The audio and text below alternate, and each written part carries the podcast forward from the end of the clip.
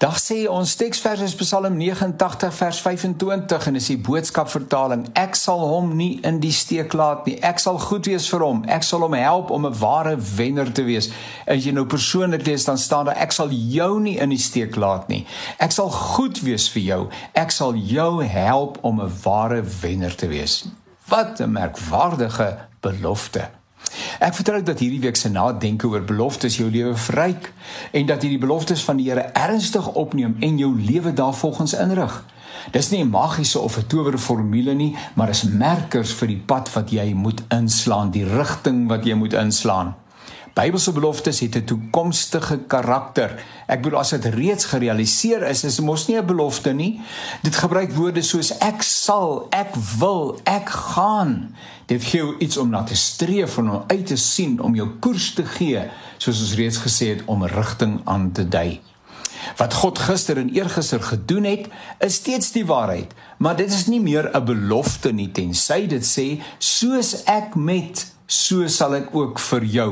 Daar's byvoorbeeld 'n voorbeeld en voorbeelde in die Bybel in Jesaja 54 vers 9, daar staan: Soos met die waters van Noag is dit vir my soos ek met 'n eed bevestig het dat die waters van Noag nie weer die aarde sal oorstroom nie, so bevestig ek met 'n eed dat ek nie langer toornig op jou sal wees en jou sal straf nie. sien, met ander woorde, die Here sê ek het 'n belofte in die verlede gegee, dit het 'n werklikheid geword. Ek wil dit in jou lewe kom gee en dit uh, as 'n belofte kom vestig. So sulke teksgedeeltes kyk terug en bevestig die geloofwaardigheid van God. Hy is betroubaar en hy gaan nooit op sy woord terug nie. Beloftes kan ook meerdere vervulling hê. Beloftes wat later messiaans interpreteer is, ek verwys nou na die Ou Testament. Messiaans beteken heenwys na Jesus, was vir die eerste plek en in die eerste plek bedoel vir die konteks waarbinne dit gegee is.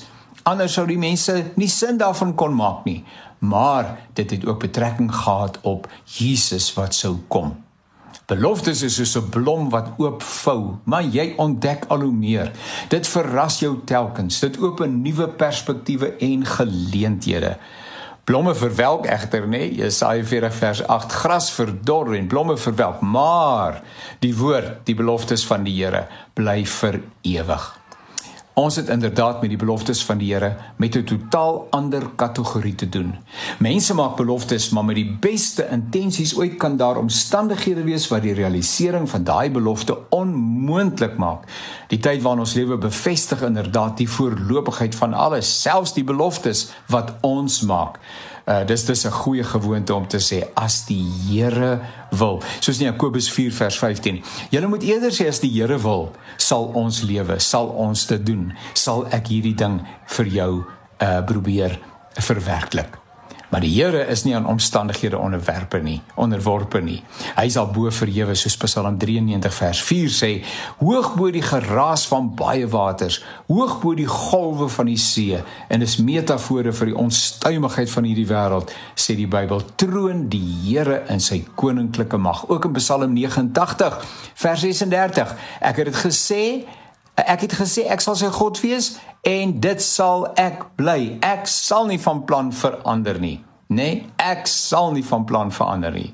So mag jy die vervulling van die beloftes wat die Here gegee het, vir jou gegee het, eh, daagliks omarm en vanuit hoe langer hoe meer vanuit daardie realiteit lewe.